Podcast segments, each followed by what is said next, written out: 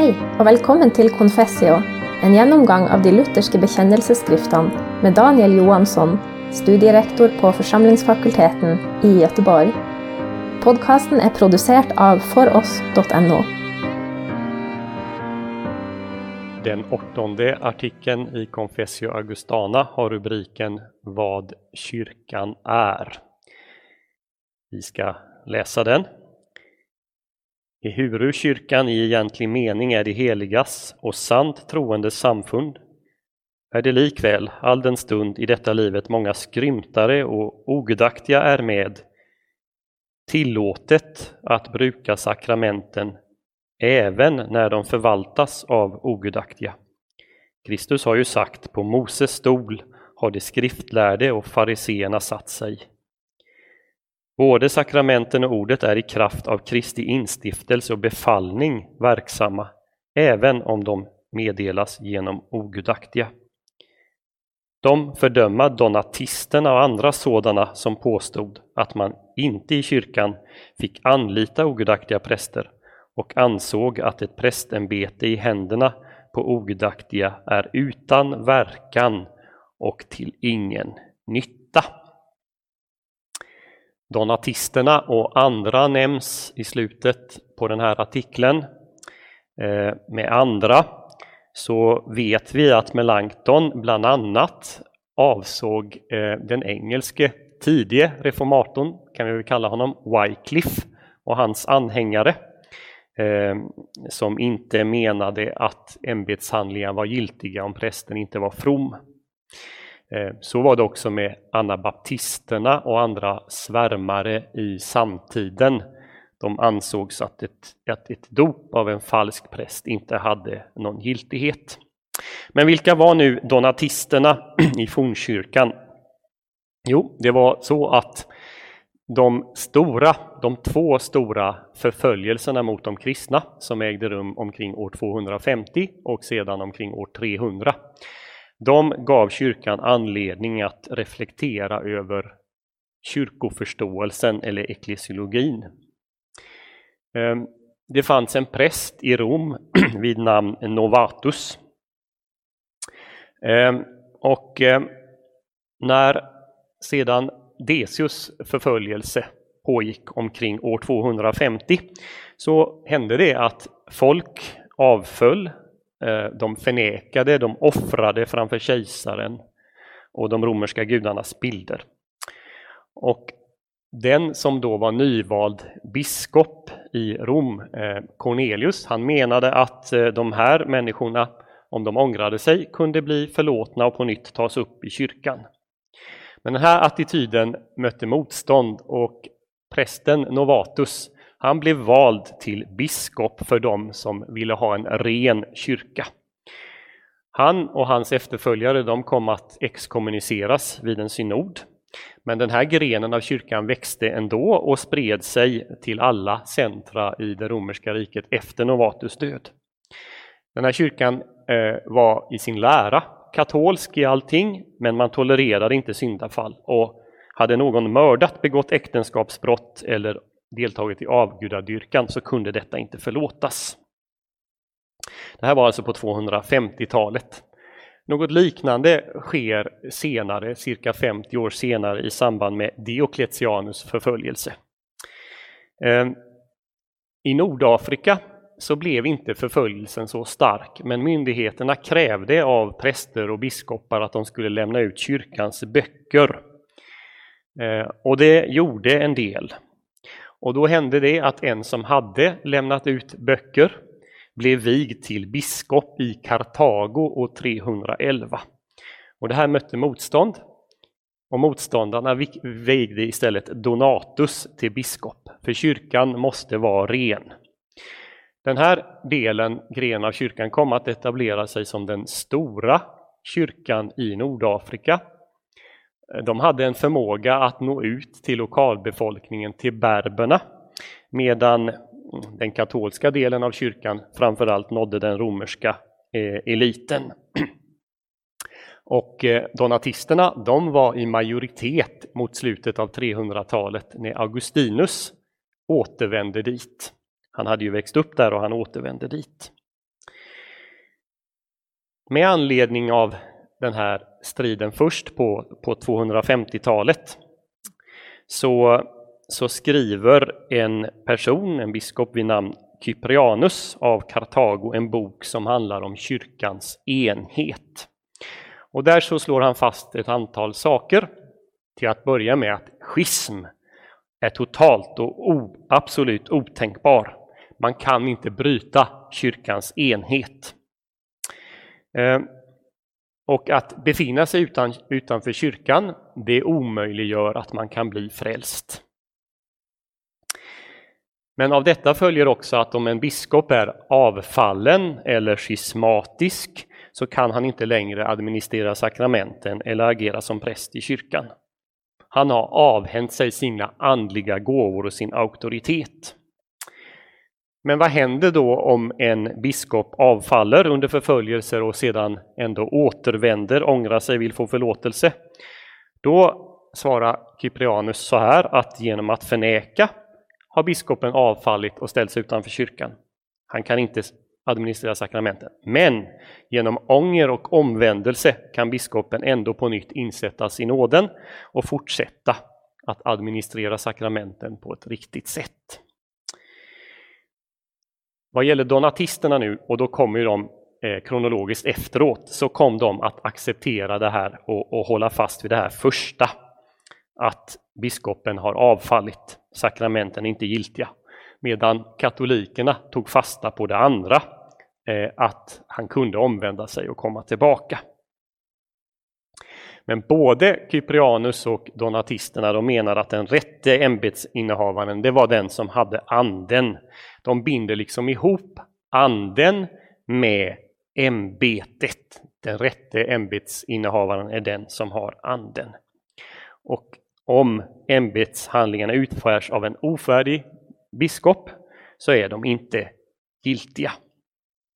Och därför kom donatisterna att kräva omdop om någon hade döpts av en avfallen biskop. Hur tänkte då Augustinus? Och han kommer in eh, i den här frågan då i slutet på 300-talet. Jo, han hävdade mot donatisterna att det dop som har utförts av en avfallen eh, eller av en schismatiker, det är giltigt, för dopet är i sig en helig handling. Det är inte beroende av sakramentsförvaltarens egen värdighet. Och han kan lite drastiskt säga så här att mellan Kristi dop utfört av en apostel och Kristi dop utfört av en drinkare är det egentligen ingen skillnad. Båda är lika giltiga. Och på samma sätt så tänker eh, Augustinus vid prästvigningen, liksom man i dopet får ett slags Eh, märke och tillhör Kristus, eh, så behöver inte heller prästvigningen göras om. Men vad säger Augustinus eh, vidare då? Eh, är det ingen skillnad på om ett dop har utförts inom ramen för den katolska kyrkan eller en schismatisk kyrka? Jo, det är en skillnad. För det är bara kyrkans dop som leder till frälsning. För man måste hålla fast vid kyrkans enhet för att det ska medföra syndernas förlåtelse. Så Augustinus eh, skiljer mellan själva sakramentet och dess giltighet och sakramentets verkan. Och Augustinus ståndpunkt här, den kom att bli den som var den normerande i den västliga kyrkan. Och det är denna eh, som eh Eh, Augustana här i artikel 8 ansluter till. Som jag sa förra gången så hänger artikel 7 och 8 ihop. Eh, grammatiskt är 8 en fortsättning på 7. I artikel 7 så hade det fastslagit att kyrkan är inte bara en yttre organisation utan de heliga samfund där nådemedlen brukas. Och nu preciseras det här ytterligare i början på artikel 8. Det står så här. I egentlig mening så är kyrkan de heligas och sant troendes samfund. Och det innebär att den egentliga kyrkan, den är osynlig därför att det är bara Gud som vet vem som är sant troende.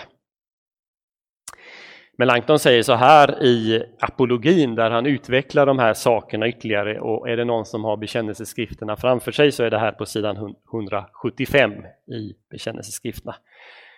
Men kyrkan är inte bara en gemenskap i yttre ting och ordningar så som andra världsliga samfund, utan den är i grunden en trons och den helige Andes gemenskap i våra hjärtan. Men så kommer det ett men. Men den har likväl yttre kännetecknen så att man kan känna igen den, nämligen den rena evangeliska läran och förvaltandet av sakramenten i överensstämmelse med Kristi evangelium. Så den egentliga kyrkan är osynlig, men den har, äh, har tecken, de som Melanchthon räknat upp i artikel 7. Eh, och Melanchthon säger vidare, det finns över hela jorden spridda människor som samtycker till evangeliet och har samma Kristus, samma heliga Ande, samma sakrament, vare sig de har lika eller olika människostadgar. Det vill säga, de kan finnas inom olika yttre kyrkoorganisationer och ha olika gudstjänstordningar. Men så betonar Melanchthon också en annan sak. När han säger att kyrkan är osynlig så ska det sägas att den inte är någon platonsk fantasi som bara existerar i idévärlden. För kyrkan existerar verkligen. Det finns sant troende. Det finns rättfärdiga spridda över hela jordens yta. Och den har kännetecken. Här räknar Melanchthon upp två sådana. Luther kan senare, till exempel i sin bok om kyrkan och koncilierna, säga att kyrkan har sju kännetecken och vid ett annat tillfälle så nämner han ännu fler. De sju som Luther räknar upp i den här skriften om, om eh, kyrkan och koncilierna, det är Guds ord, för det första. För det andra är det dopet, för det tredje är det nattvarden, för det fjärde är det nycklämbetet, för det femte är det ämbetena, för det sjätte bönen och för det sjunde det heliga korset. Där de här finns så vet man att kyrkan existeras. Inom parentes så kan det sägas att Calvin han eh, anslöt sig till det eh, Melanchthon säger om att kyrkan har två tecken, de som räknas upp här av Melanchthon, Guds ords förkunnelse och sakramenten. Melanchthon accepterar alltså den yttre kyrkoorganisationen och han säger att inom denna så finns det många ogudaktiga. När han fördjupar det här lite grann i apologin så hänvisar han till två liknelser av Jesus. Dels till liknelsen om noten, eh, om fisknätet i slutet på Matteus 13, där det både finns goda och onda fiskar. Han hänvisar också till liknelsen om de visa eh, och de ovisa jungfrurna. Alla är jungfrur, men några är visa, andra är ovisa. Det finns både rättfärdiga och ogudaktiga i kyrkan. Här eh, i artikel 8 så eh, använder Melanchthon begreppet skrymtare, det vill säga skådespelare, de som låtsas vara med men som inte är med. Och Det är uppenbart att det gäller både präster och lekmän. Eh, och det är här som, som Melanchthon preciserar bekännelsen i linje med den augustinska och medeltida västliga för han säger även ogudaktiga kan förvalta sakramenten. Och då hänvisar Melanchthon till Matteus 23.2 där Jesus säger att fariseer och skriftlärda sitter på Moses stol. Och det är väl passande, för idag är detta just evangelietexten den här söndagen, den elfte efter trefaldighet. Det betyder att även ogudaktiga kan läsa upp Guds ord så att människor kommer till tro och lever efter det. Men när den, de evangeliska motiverar varför det är på det här sättet, att även en ogudaktig präst kan förvalta sakramenten, så är inte motivationen densamma som de påvliga teologerna hade. Den beror inte på att prästen vid prästvigningen har fått en, en särskild kvalitet ingjuten, den så kallade karakter indelebelis, som betyder en oförstörbar karaktär. Eh, det är inte någon vigningskraft som gör att prästen är rituellt och religiöst värdigt. Nej, säger Melanchthon. Ordet, eller sakramenten och ordet är kraftiga verkar därför att Kristus har instiftat dem, därför att vi har hans löfte. Så att man hänvisar så att säga till, till prästens användning av Kristi egna ord. Och det här utvecklar också Melanchthon i Apologin, sidan 184, för er som har böckerna. Sakramenten förlorar inte sin verkan, säger Melanchthon, och så kommer citat, även om de handhas av ogudaktiga präster, ty dessa handlar i Kristi ställe och inte å egna vägnar i enlighet med ordet den som hör er hör mig. Det här är ett citat från Lukas 10.16. Men, säger Melanchthon vidare, ogudaktiga lärare bör man överge, ty dessa handlar icke i Kristi ställe utan är av Antikrist. Kristus säger också, ta er tillvara för falska profeter, ett citat från Matteus 7.15. Och Paulus säger, om någon förkunnar för er ett annat evangelium så vare han förbannad. Galaterbrevet 1.9. Så det Melanchthon vill säga här, det är att å ena sidan, om vi har ogudaktiga präster eller präster som, som lär falskt, inte i enlighet med Kristi ord, så är likväl eh, deras sakramentsutövning riktig. En som har blivit döpt av en, eh, en ogudaktig präst behöver inte tveka om att man har ett giltigt dop. Man behöver inte tveka om att det är eh, nattvard eh, när det firas av en gudaktig präst. Men det är ena sidan av saken. Därmed har inte Melanchthon sagt att man ska hålla sig till sådana präster. Nej, säger han, tvärtom. Han säger att man ska fly dem därför att de inte lär i enlighet med Kristi ord. Om de så att säga firar gudstjänst eller ett dop och gör det på det sättet som Kristus har sagt så ska vi inte ifrågasätta eh, att det verkligen är ett dop, för det sker på det, på det sätt Kristus har, har sagt. Men om de sedan eh, predikar, lär eller inte lever i enlighet med det här så ska man inte hålla sig till det, då ska man lämna den prästen. Och här finns det ju en hel del som man kan reflektera över i ljuset av den ämbetsstrid som har ägt rum och alltjämt äger rum i Sverige och på andra platser i världen. För egen del så tänker jag mig så här att vi ska inte ifrågasätta till exempel om, om en, en präst som lär på ett uppenbart felaktigt sätt om det är ett dop när den prästen genomför det, eller vi ska inte heller ifrågasätta om det är ett giltigt dop om det utförs av en kvinnlig präst. Men det betyder inte att vi ska gå till deras gudstjänster. Nej, vi ska söka oss bort ifrån dem. Så utlägger Melanchthon eh, den sjunde åttonde artikeln här i apologin. Jag sa i, i, väl i inledningen till den eh, sjunde artikeln att vi nu egentligen lämnar frågan om rättfärdiggörelsen. Den handlar ju artikel 4, 5 och 6 om. Eh, och det stämmer i så måtto att nu är den, eller då var den explicita behandlingen över av rättfärdiggörelseläran. Men faktum är att implicit så återkommer den även i de här artiklarna. För om man ska begrunda och se på Melanchtons motivering till varför det inte är nödvändigt med att fira gudstjänst på samma sätt. Det är viktigt och det är avgörande att man har samma lära om evangeliet, att evangeliet förkunnas rent och klart och sakramenten brukas på rätt sätt. Men gudstjänsten kan firas på lite olika sätt. Eh, så motiverar han det här med hänvisning till rättfärdiggörelsen. Han slår fast att vår rättfärdiggörelse, vår ställning inför Gud, den kan inte bero på hur vi firar gudstjänst i yttre avseende, för det har med mänskliga traditioner att göra.